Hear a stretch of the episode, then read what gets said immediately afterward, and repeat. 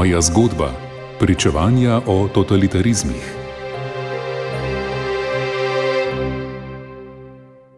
Dober večer, drage poslušalke in dragi poslušalci. Danes boste lahko v oddaji Moja zgodba poslušali posnetek okrogle mize oziroma pogovora, ki je potekal 12. aprila letos na študijskem centru za narodno spravo, ko so predstavili knjižno novost z naslovom V senci Beethovenove 3. Knjiga je sicer izšla konec leta 2022, v njej pa so objavljeni prispevki Jelke Piškorič, Mateje Čoh Kladnik, Marka Štepca, Monike Kokal Kočevar, Mirjam Dujo Jurjevčič, Neže Strajnar, Damjana Hančiča, Petre Gabrovec in Marte Keršič. Knjigo sta uredili sodelavki študijskega centra za narodno spravo Mateja Čoh Kladnik in pa Petra Gabrovec. Na uvodni predstavitvi so sodelovali avtorice prvega dela knjige in sicer Mateja Čohkladnik, Jelka Piškurič in Marta Keršič, pogovor pa je vodil direktor študijskega centra Tomaš Ivešič. Če na kratko predstavim vsebino, naj povem, da je znanstvena monografija z naslovom V senci Beethovenove 3 razdeljena na dva vsebinska sklopa. V prvem delu avtorice predstavijo zgodovino stavbe na Beethovenovi 3 ter odkritje zaporniških celic in njihovo obnovo. O samih zaporniških celicah je sicer malo znanega, a najverjetneje so bile po koncu druge svetovne vojne del mreže skrivnih zaporov. V nadaljevanju je predstavljena zgodba veletrgovca in industrijalca, inženirja Toma oziroma Tomaža Kneza, ki je bil med letoma 1945 in 1948 trikrat obsojen. Njegovo ime je namreč izpraskano v steno ene od zaporniških celic. V drugem delu monografije pa avtori predstavijo zgodbe posameznikov, ki so bili žrtve medvojnega revolucionarnega nasilja in represivnih ukrepov komunistične oblasti po koncu vojne, predvsem tistih, ki so bili obsojeni na političnih sodnih procesih. Kronološko so predstavljeni tudi najpomembnejši politični in represivni ukrepi komunistične oblasti med letoma 1944 in 1951. V monografiji je prav tako objavljeno bogato fotografsko in dokumentarno gradivo. Vabim vas, da prisluhnete sami predstavitvi, ki je kot rečeno potekala aprila letos na študijskem centru za narodno spravo, uvedel in povezoval pa jo je direktor študijskega centra za narodno spravo, dr. Tomaš Ivešič. Prisluhnimo.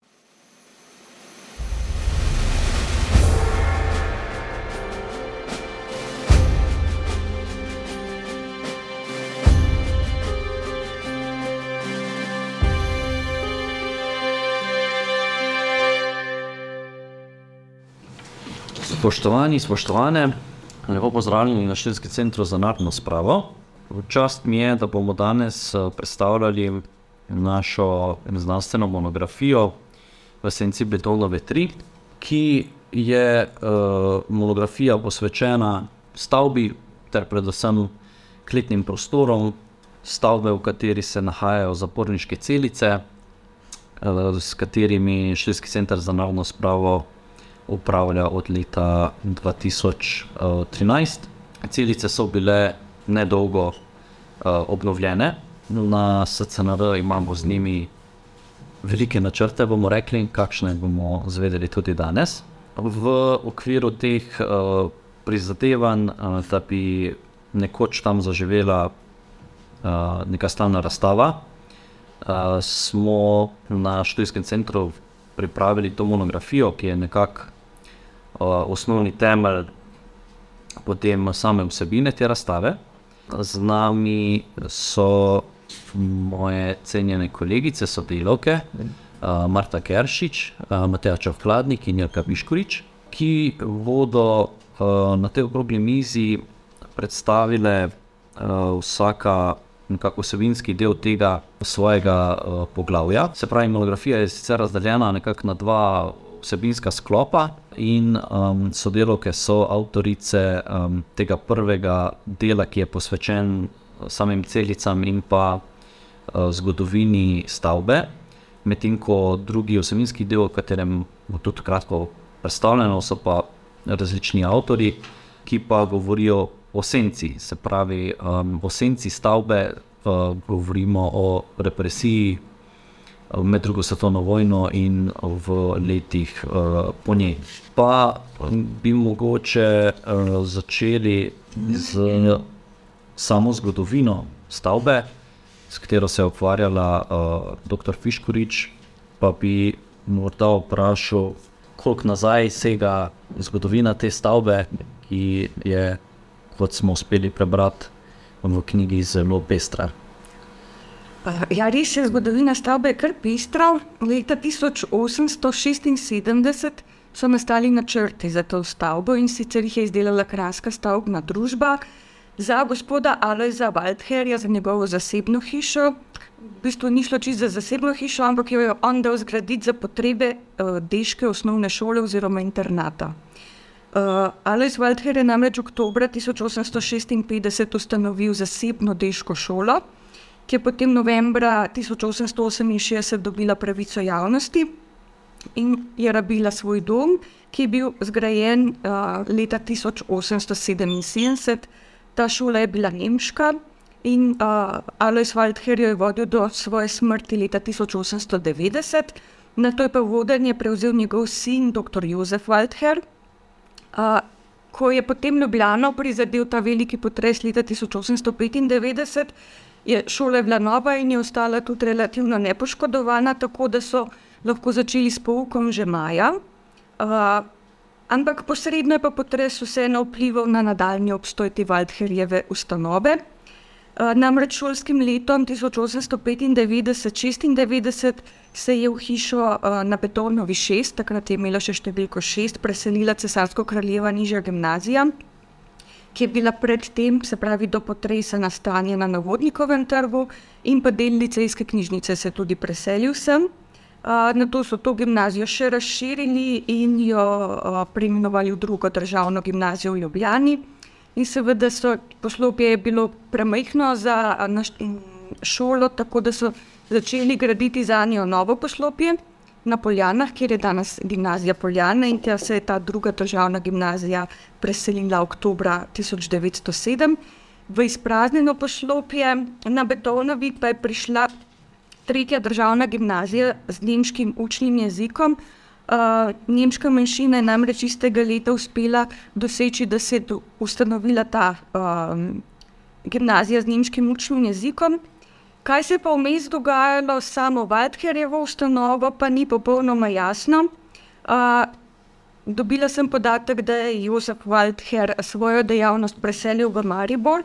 Uh, in potem, ko je leta 1910 umrl, uh, ni več dosti podatkov o njegovi šoli.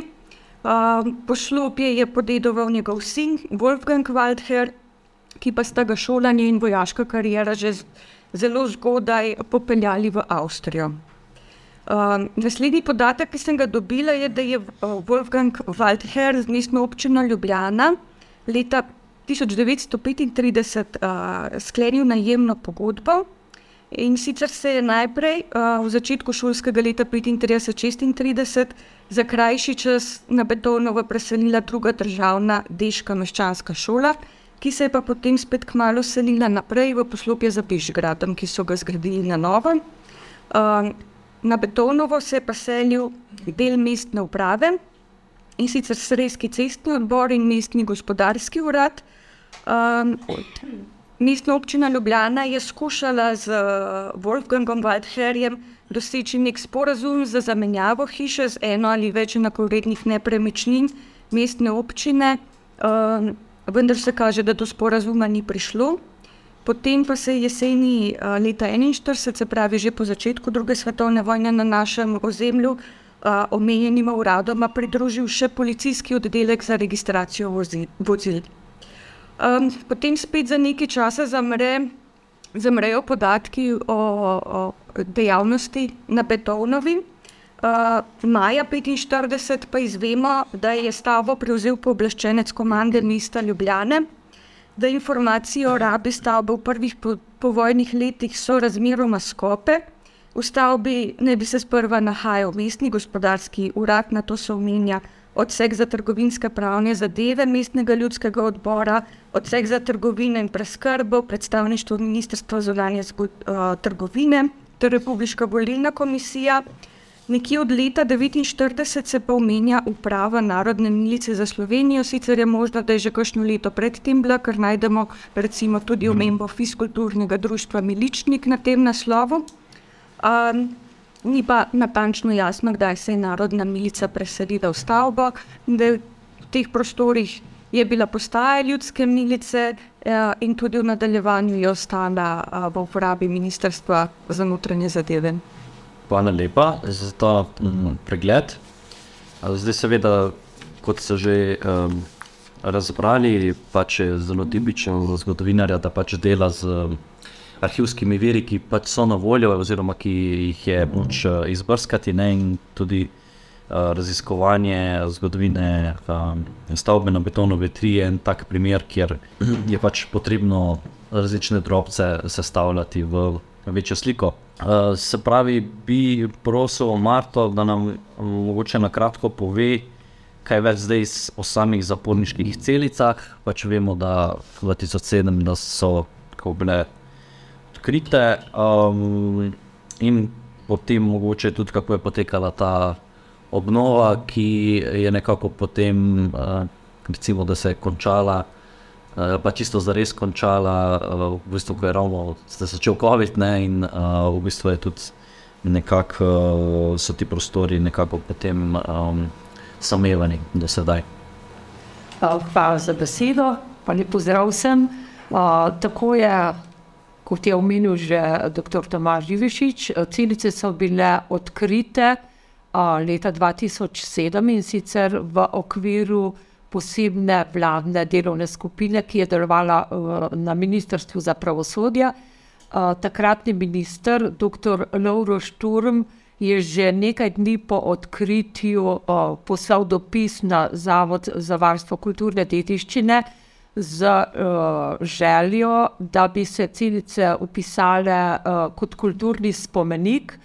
Eh, zavod je začel z poizvedovanji, uh, kaj se je v tej stavbi dogajalo. Uh, obrnil se je na Inštitut za novejšo zgodovino in tudi na Muzej uh, uh, novejše zgodovine. Obe inštituciji sta uh, predlagali, da se uh, celice dejansko zaščitijo, uh, čeprav še ni bila poznana uh, zgodovina, kaj ne bi se v teh prostorih takrat uh, oziroma predtem dogajalo tako da je uh, Zavod za varstvo kulturne dediščine uh, poslal zahtevo za upis uh, celic v registr uh, nepremične kulturne dediščine, in avgusta istega leta so celice že pridobile status spomenika državnega pomena. Uh, Junija istega leta je bil opravljen prvi terenski strokovni ogled strani Zavoda za varstvo kulturne dediščine, uh, pri čemer uh, je bil opravljen popis vseh prostorov. Celice so bile uh, takrat v glavnem že izpraznjene, uh, razen nekaj odpadnega materijala je bilo v celicah. Uh, uh, sicer pa so jih nekako razdelili v sedem prostorov za same celice in pa umivalnico oziroma prostor, ki naj bi uh, po predvidevanjih služil kot umivalnica oziroma nek sanitarni prostor. Uh, opažena so bila zamrežena okna, potem zaporniška vrata z linami, uh, in pa tudi uh, dva datuma so takrat zabeležili na, nad vratnimi podboji, sicer 15.12.1950 in 4.4.1952. O tem bo kasneje več spregovorila sodelavka Mateja. Uh, kaj se je celicah potem dogajalo do leta 2013, ko smo jih v upravljanje prevzeli na študijskem centru za narodno spravo, več ali manj ni znano. Uh, takoj ob prevzemu so se pa uh, na našem uh, centru začele tudi uh, aktivnosti za ohranitev. Uh, to se pravi, po začetnem lajčnem in tudi strokovnem ogledu so bila najbolj upereča vprašanja glede zamakanja uh, oken, glede vlage, plesni, prezračevanja, zaradi preperilih oken, vprašanje mraza, posledično tudi ogrevanje prostorov in pa nevarnost požara zaradi dotrajne električne napeljave, ki je zahtevala čim prejšnje ukrepanje. Prostori so bili namreč že precej let neuzdrževani in prepuščeni propadanju. Tako da je študijski center takoj aktivno pristopil k uh, reševanju priče sanacije in je na pristojne službe naslovil več dopisov, v katerih jih je opozoril na neustrezno stanje. Uh, od uh, Zavoda za varstvo kulturne dediščine je pridobil kulturno-varstvene pogoje za obnovo, na to je naročil fotodokumentacijo stanja v sodelovanju z arhitektom uh, Stanetom Kajzerjem, ki je v končnem poročilu tudi opozoril na vse pomankljivosti in predlagal obnovo celotnega objekta. Torej, ni bila smiselna samo obnova kletnih prostorov, ker so bili roki za propadanje širši in je bilo potrebno pristopiti k obnovi celotne stavbe. Seveda pa študijski center za narodno spravo ni razpolagal s finančnimi sredstvi za uh, tak velik podvig. Um, študijski center je z vso dokumentacijo potem uh, seznanil službo vlade za zakonodajo, ki je bila v tistem času upravljavec stavbe na Betonovi, in uh, potem tudi sklical sestanek z državno sekretarko na Ministrstvu za kulturo, dr. Vereno Vidrih Perko. Uh, Nje so bila predstavljena vsa dotedanja prizadevanja, pa tudi uh, seznanitev z dokumentacijo glede obnove. Uh, zaradi propadanja se je v zahtevo po obnovi vključil tudi inšpektorat Republike Slovenije za kulturo in medije na Ministrstvu za kulturo. Tako je bil junija 2016 opravljen inšpekcijski pregled po uradni dolžnosti strani inšpektorice Mateje Zupan. Po pregledu stanja na terenu je takoj poslala zahtevo, podala zahtevo, da se ne mudoma odpravi e, k Eh, da se ne mudoma pristopi k odpravi vzrokov za zatekanje vode v kletnih prostorih. Po njenem ogledu je bil strani SOCNR-ja poslan uh, dopis glede nujne sanacije celic na vlado Republike Slovenije kot na lastnika stavbe in pa na tedanjega upravljavca, to se pravi službo vlade za zakonodajo, potem tudi dopis na Ministrstvo za pravosodje in pa na urad predsednika Republike Slovenije. V letu 2016 so se nadaljevali številni sestanki glede sanacije, in v letu 2017 je bil potem potrjen projektni načrt obnove. Pri obnovi je bilo potrebno upoštevati usmeritve študijskega centra, ki so vključevale tudi um, načrte za kasnejšo vzpostavitev muzeja potem pa seveda kulturno-varstvene pogoje eh, z VKD-ja in pa zahteve inšpekcije glede zamakanja v kletnih celicah. Gradbena dela so se začela potem izvajati aprila 2018 uh, eh, in sanacija se je v letu 2019 nadaljevala do septembra. Oktobra pa so se v stavbo uselili v zgornje prostore in v pritličje uh, organi v sestavi Ministrstva za pravosodje, uh, spodnjo klet pa je dokončno prevzelo v upravljanje študijski center za narodno spravo. Hvala, Marta, za ta um, pregled um, dogajanja v nekako v celicah, kar se tiče obnove. Lahko trdimo, da sicer to kolesje melje počasi, ampak melje pa zagotovo. A, tako da prišli smo do uh, lepo obnovljenih um, prostorov.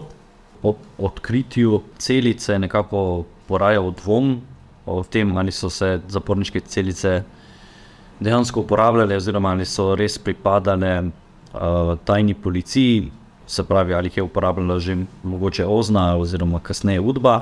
Takrat zaposlena v Arhivu Republike Slovenije, kolegica Dornik Šubel, je trdila, da dokumenti o celicah ne obstajajo, čeprav sama pa ni dvomila o njihovem obstoju oziroma o njihovi uporabi. Kako pa je danes, je kar lahko trdimo, da jih je tajna policija dejansko uporabljala ali ne? Po dolgem iskanju smo našli uh, dokument, ki potrjuje obstoj celic, Ta dokument je iz leta 1951, ni pa žal popolnoma jasno, kdo je s celicami upravljal. Ta uh, dokument je zapisnik konference kolegija Ministrstva za notranje zadeve Ljudske republike Slovenije iz junija 1951, kjer piše, citiram, zapori poverjeništva za notranje zadeve v Ljubljani, zapori v Betonovi ulici in zapori v Slovenski ulici v Mariboru spadajo kot preiskovalni zapori v pogledu kontrole izvajanja hišnega reda, prav tako pod tretjo upravo, kakor vsi drugi zapori v uh, Ljudski republiki Sloveniji. Ta dokument je, gre v bistvu za čas nastajanja kazenskega zakonika in v tej luči moramo ta dokument tudi uh, razumeti. Uprava za izvrševanje kazni se je na nek način pritoževala, da ta zapor ni pod njenim uh, upravljanjem. V istem dokumentu piše, da so imele postaje ljudske milice protizakonito organizirane lastne zapore za namen zasliševanja. Uh, in še v nekaterem uh, v drugem dokumentu, uh, to je pa poročilo uprave za izvrševanje kazni, prav tako iz uh, junija 51 pa sporoča, da število pripornik, v številu pripornikov niso bile upoštevane osebe, ki so bile zaprte v zaporih postaj ljudskih milic, v poverjeništvih za notranje zadeve, uh, Malo, Maribor in Ljubljana in v zaporu druge uprave v Ljubljani. In ta dokument pa pravi, torej v tako zvanih ilegalnih zaporih. Uh, sam dokument navaja. Uprava za izvrševanje kazni je poročala o nepravilnostih na področju izvrševanja kazni. Lahko bi sklepali torej iz tega, da so bile celice na betonovi upravljanju ljudske milice, glede na to pa, da so omenjene uh, skupaj uh, z drugimi uh, posebnimi udbenimi zapori, da, je da je z njimi upravljala udba. Žal, iz tega dokumenta to ni razvidno, in zaenkrat tudi še nismo nekih drugih dokumentov uh, našli, ki bi kaj bolj natančno povedali, kdo je s celicami uporab, uh, upravljal. Tudi ne vemo, kaj se je v uh, naslednjih letih dogajalo v stavbi na Betovnovi 3 uh, in v njenih kletnih prostorih. Zdaj, ob koncu 50-ih in začetku 60-ih let, se na tem naslovu omenja kriminalistično-tehnična centrala Ljudske republike Slovenije, potem se pač omenja tajništvo za notranje zadeve okrajnega ljudskega odbora. V 60-ih letih se tja seli služba za izdajo potnih listov ter prijavo in odjavo tujcev, in potem isto za oddelek za podaljšanje registracij. Zdaj, po nekaterih informacijah naj bi postaja milice tam ostala do leta 1968, tako je menila Ljuba Dornik Šubaj. Prav tako je ona menila, da ne bi se celice uporabljale do leta 1966. Zdaj sem našla še en dokument, uh, v katerem se mestna prometna postaja milice tam omenja še leta 71, kaj več od tega žal zaenkrat še nisem našla. Eh, so pa prostori tudi v nadaljevanju ostali v upravljanju Republikanskega sekretarjata za notranje zadeve. Hvala.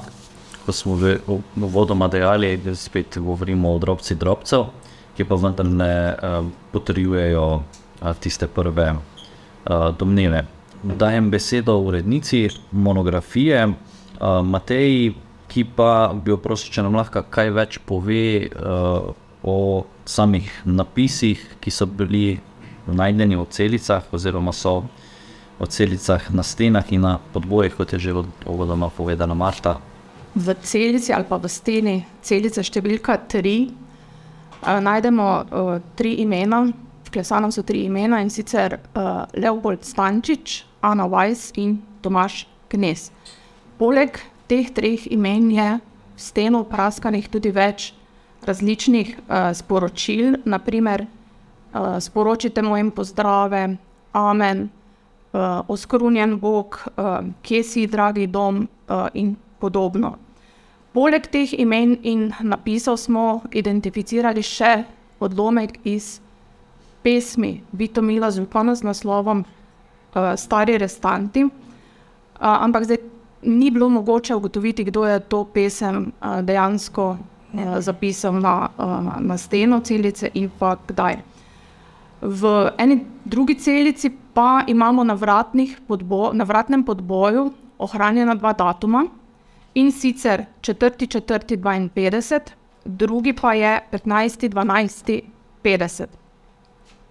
Po oceni Zavoda za varstvo kulturne dediščine, ki je bil skratka prisoten pri obnovi celic, sta datuma avtentična, torej originalna, nasprotno pa ti napisi uh, niso avtentični in kaže, da so bili del scenografije za snemanje filma o Angeli Vode. Ko je študijski center potem šel po sledi ali pa poizvedoval, kdo naj bi bili ti ljudje, katerih imena smo našli na uh, steni celice, smo poizvedovali tudi v Arhivu Republike uh, Slovenije, kjer so seveda pač pregledali uh, kar nekaj gradiva oziroma evidence v več arhivskih uh, fondih. Njihov odgovor pravi, da o Leopoldu Stančiču niso našli nobenih informacij.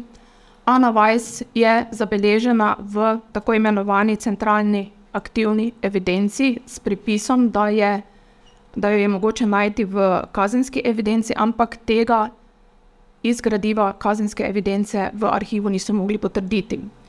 Enak vpis torej je zabeležen tudi za Toma Kneza, torej ne Tomaža Kneza, ampak Toma Kneza, ki je bil rojen 15. decembra 1901 v uh, Ljubljani. Podatek, ki smo ga tudi pridobili, oziroma nam ga je posredoval arhiv, je, da je državna varnost, torej pozna, oziroma kasneje Udba, o Tomu Knezu vodila osebni dosje, vendar ta dosje ni ohranjen. Nekako smo potem uh, poskušali ugotoviti in tudi smo potrdili, da sta Tomo Knez in Tomaš Knez ista oseba. Uh, in sicer na podlagi zapisa pravnika in pisatelja dr. Rudolfa Andrejke iz leta 1934, ko je uh, opisoval zgodovino razvoja industrije v Ljubljani in okolici. In tam je v prispevku zapisal, da so po smrti znanega trgovca in gospodarstvenika Iva Kneza njegovo podjetje prevzeli sinovi Saša, Tomaš in Stenko. Zato v tem prispevku, ki ga podpisujem v tej monografiji, pač predstavljam zgodbo inženirja uh, Toma Kneza, kot jo je pač uh, po vojni spisala oblast. In um, ta zgodba se nanaša na delovanje različnih gospodarskih družb in bank, predvsem pa je povezana s tremi sodnimi procesi, na katerih je bil inženir Tomo Knes obsojen med, letom, med letoma 1945 in 1948. Uh, torej, obsojen je bil kar uh, trikrat in zato ga najdemo tudi na seznamu političnih zapornikov. Prvič se je moral zagovarjati pred vojaškim sodiščem Ljubljanskega vojnega področja avgusta 1945 in sicer na procesu, ki je takrat tekel proti članom vodstva Ljubljanske kreditne banke. Drugič uh, je stopil pred sodišče decembra 1946 in sicer kot lastnik podjetja Ivan Knes, torej družinskega podjetja, in v zvezi s poslovanjem Eh, kmetske posojilnice za Ljubljansko okolico. Tretjič pa kot član uprave Združenih opekarn novembra 1948. Na vseh treh procesih je bil obsojen. Glavne, glavne obtožbe oziroma kasneje obsodbe so bile, da je med vojno gospodarsko sodeloval z okupatorji, da obsojen je bil zaradi kaznjivih dejanj proti premoženju, zaradi ponarejanja uh, listin in prevar. Najvišjo kazen je dobil uh, decembra leta 1946, ko je bil obsojen na deset let odvzema prostosti s prisilnim delom, med drugim je bilo izrečeno tudi zaplemba premoženja, kot tudi že na procesu njegovih, na procesu leta 1945, ko je sodišče izreklo tudi zaplembo njegovih deležev v Ljubljanski kreditni banki. Uh, na tem mestu bi mogoče povedala še to, da je knez uh, vpisan v tako imenovani registr pripornikov, ki ga prav tako hrani Arhiv Republike Slovenije in sicer pod številko 7594. Upis je bil zabeležen že 30. novembra leta 1945, ampak uh, zaenkrat mi ni uspelo ugotoviti, zakaj ravno takrat. Namreč uh, avgusta leta 1945, ko je bil obsojen na prvem procesu, se je branil s prostosti, kar pomeni, da takrat ni bil aretiran. Tudi ni bilo nikjer zaslediti podatkov, kakršnih koli o njegovem pridržanju pred 10. oktobrom 1946, torej pred drugim proce procesom.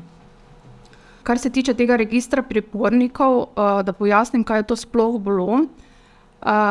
Arhivist Tadej Cankar po, namreč pojasnjuje, da gre za nekakšen uh, centralni vpisnik uh, registriranih nasprotnikov oblasti, skratka tistih, ki jih je uh, povojna oblast obravnavala kot, uh, uh, kot nasprotnike. Ti podatki so v tem uh, registru zbrani iz različnih kartotek, ki so jih po koncu vojne pripravljali, pisali različni oddelki ali pa odseki državne varnosti, torej OZNE oziroma UDBE, in ta register je neki zbirnik teh uh, kartotek. Skratka, Knes je vpisan v ta um, register kot aktivni protinarodni element. O, o, o, torej 30. novembra 1945. Um, Iz tega vpisa ni mogoče ugotoviti, ali je bil uh, dejansko aretiran oziroma priprt, ali pa je bil zgolj registriran v tej povezavi z delovanjem oziroma z interesi takratne uh, ozne. Ne, da bi bil priprt, seveda. Uh, Možno je namreč, da je bil v uh, kartoteko vpisan uh, že zaradi same obsodbe pred vojaškim sodiščem avgusta 1945, ampak se pravi, kot sem omenila, takrat sploh ni bil aretiran, ampak se je branil z prostosti. Druga možnost pa je seveda bila, ali pa je, da je bil aretiran, ampak v bistvu iz neznanih razlogov potem ni bil zabeležen v nobeno zaporno knjigo. Mogoče kot zanimivost uh, omenim oziroma dodam, nasproti stavbe na Betovnovi 3 je stavba ustavnega sodišča. Med uh, obema vojnama je bil tam sedež zbornice za trgovino, obrt in uh, industrijo. Prvi predsednik te zbornice je bil Ivan Knes. In leta 1997 je bila v pritličju stavbe ustavnega sodišča odkrita spominska plošča članov te zbornice in to spominsko ploščo je odkril inženir Tomo Knes. Lepo, Mateja, Dešivski center, odkar je prevzel celice v upravljanje od 2013, je v celicah eh, kljub eh, sicer slabemu stanju letih, eh, ampak vseeno organiziral kar nekaj dogodkov, pa bi prosil Marto, če lahko pove, za kakšne vrste dogodke je šlo. Kot je bilo že omenjeno, čeprav so bili prostori neuzdrževani in v fazi propadanja, smo se vseeno trudili, da bi čim širši javnosti predstavili enega redkih uh, ostankov materialne dediščine, ki je nakazovala na to, kako je povojna komunistična oblast delovala. Zato smo uh, z več različnimi dogodki uh, opozarjali javnost na, uh, na stanje v celicah. Eh, nekako prva stvar, ki smo jo ob prevzemu uh, celic uh, organizirali, je bila priprava, uh, oziroma uh, nagovorili smo javnost, če kdo pozna uh, kakšne pričevalce, ki bi še imeli spominja na, priče, na dogodke v celicah. Potem smo prosili tudi za donatorstvo. Uh, v celicah smo organizirali več tiskovnih konferenc. Uh, snemal se je dokumentarni film, potem smo imeli uh, dneve odprtih vrat z vodenimi ogledi za javnost, uh, številne skupinske in posamezne oglede celic. Mm, celice so večkrat obiskovali dijaki, maturanti, tako uh, predvsem iz gimnazije, želim le iz gimnazije Celovec, uh, tudi dijaki iz Argentine. Organizirani so bili, uh, je bilo organiziranih je bilo nekaj turističnih obiskov v okviru agencije Deljubljana Free Tour. Uh, v celicah smo imeli srečanja s pričevalci, potem s tujimi novinarji. Uh, mogoče je še posebej uh, omembe vredno, da je tam potekal tudi del uh, zgodovinske poletne šole za mlade, avgusta 2014. potem naslednjega leta je bila prva umetniška razstava v teh prostorih, o čem razmišljaš, Antigona. V pripravi na to razstavo so bile v tleh ene od celic, so bili odkriti streljni naboji.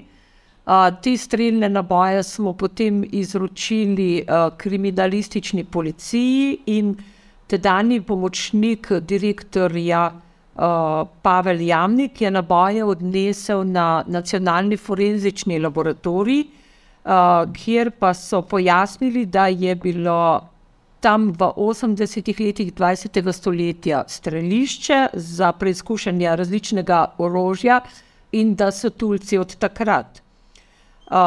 Potem, avgusta 2015, smo v celicah organizirali fotografsko razstavo Umik čez Ljubelj, ki je prav tako predstavljala eno od temnih obdobij naše uh, zgodovine.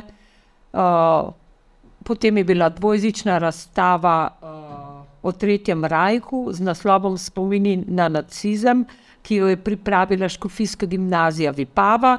Uh, razstava o prepovedani literaturi in knjižnicah z naslovom Stop cenzura, in pa razstava o politični zapornici Jelki Mrak Dolinar z naslovom Skozi čas preizkušen. To je bila ena zadnjih uh, zadev, preden so je obnova začela v 2018. Naj omenim še, da smo praktično vsako leto ob uh, spominskem dnevu 23. avgustu uh, tudi organizirali dogodke v celicah ali pa tja položili spominski venec. V času gradbenih del, seveda, dogodkov v celicah ni bilo, in pa tudi v času uh, epidemije so bili dogodki nekako uh, v omejenem obsegu. Um, Vsega skupaj do zdaj pa lahko rečem, da je bilo približno 60 dogodkov in da si je celice ogledalo čez 2000 obiskovalcev, prav gotovo bi morda prosil Mateo kot urednico, da predstavi na kratko še drugi del uh, monografije, tisti, ki govori o senci stavbe. Pa bi me tudi zanimalo, kakšni so načrti uh, za celicami v bodočem. V drugem delu um, monografije avtori predstavljajo predvsem zgodbe posameznikov, ki so bili bodi si žrtve medvojnega revolucionarnega nasilja. Eh, bodi si uh, represivnih ukrepov uh, povojne oblasti, predvsem tistih, ki so bili obsojeni na povojnih političnih sodnih procesih. Tako Damjan Hančič v prispevku z naslovom uh, Revolucionarna justica in njene žrtve na območju Ljubljane piše o usodi Jožefa Sušnika, Franca Emerja, Augusta Praprotnika, Iva Peršuha, Franca Straha in Fortunata Majdiča. Monika Kokal-Kočevar iz Eh, Muzeja novejše zgodovine predstavi osebno zgodbo Franca Erceta, ki je bil med vojno prisilno mobiliziran v nemško vojsko, po vojni pa je bil obsojen kot uh, skrivač oziroma in domnevni sodelavec tako imenovane bande, skratka kot nasprotnik nove uh, oblasti. Prav tako sodelavec Muzeja novejše zgodovine Marko Štepec predstavi zgodbo borca za severno mejo Srečka eh, Kristana, ki se je tako kot RC znašel v kolesju povojnega sodstva.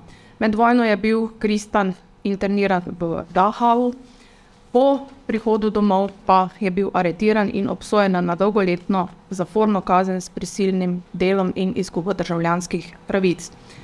Mirjam Dujo Jurjevčič uh, predstavi oziroma piše o usodi zakoncev Antonija in Bernarda Marolta, ki sta bila poleti leta 1945 obsojena na smrt pred vojaškim sodiščem Ljubljanskega vojnega področja.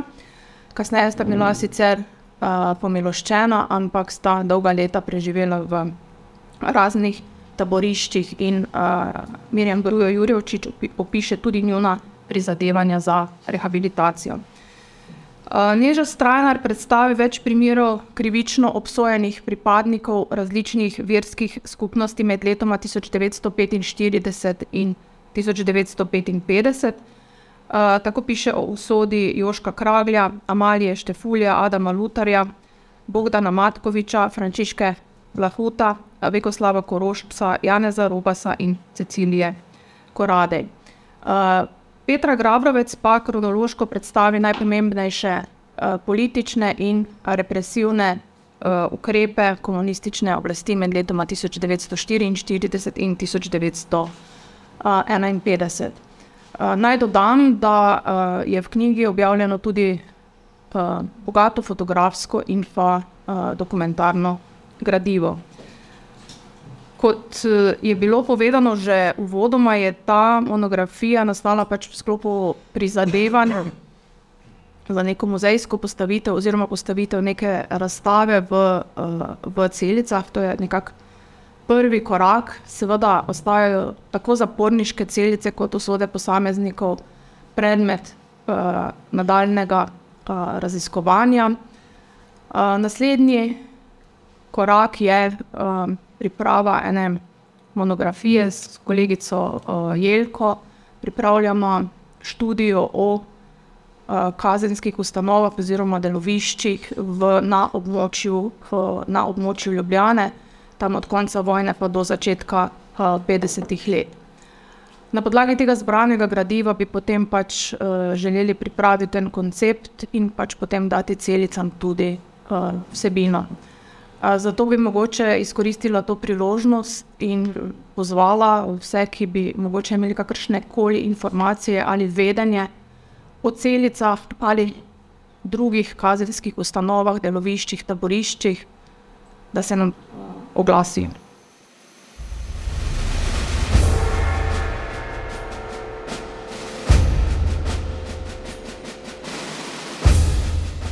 Tako, drage poslušalke in dragi poslušalci, oddaj moja zgodba, ste lahko poslušali pogovor, ki ga je ob izidu monografije z naslovom V senci Betonove 3 pripravil študijski center za narodno spravo in sicer je direktor dr. Tomaš Ivešič povezoval pogovor z avtoricami besedil v omenjeni monografiji Matejo Čoh-Kladnik, Jelko Piškurič in Marto Keršič. Ob tem naj povem še, da bodo celice na betonovi tri v prihodnosti služile kot muzejski prostor, napolnjen z različnimi vsebinami, ki bodo opozarjale na slovensko polpreteklo zgodovino in na vse stran poti, s katerimi se je moral v tem obdobju srečevati slovenski človek.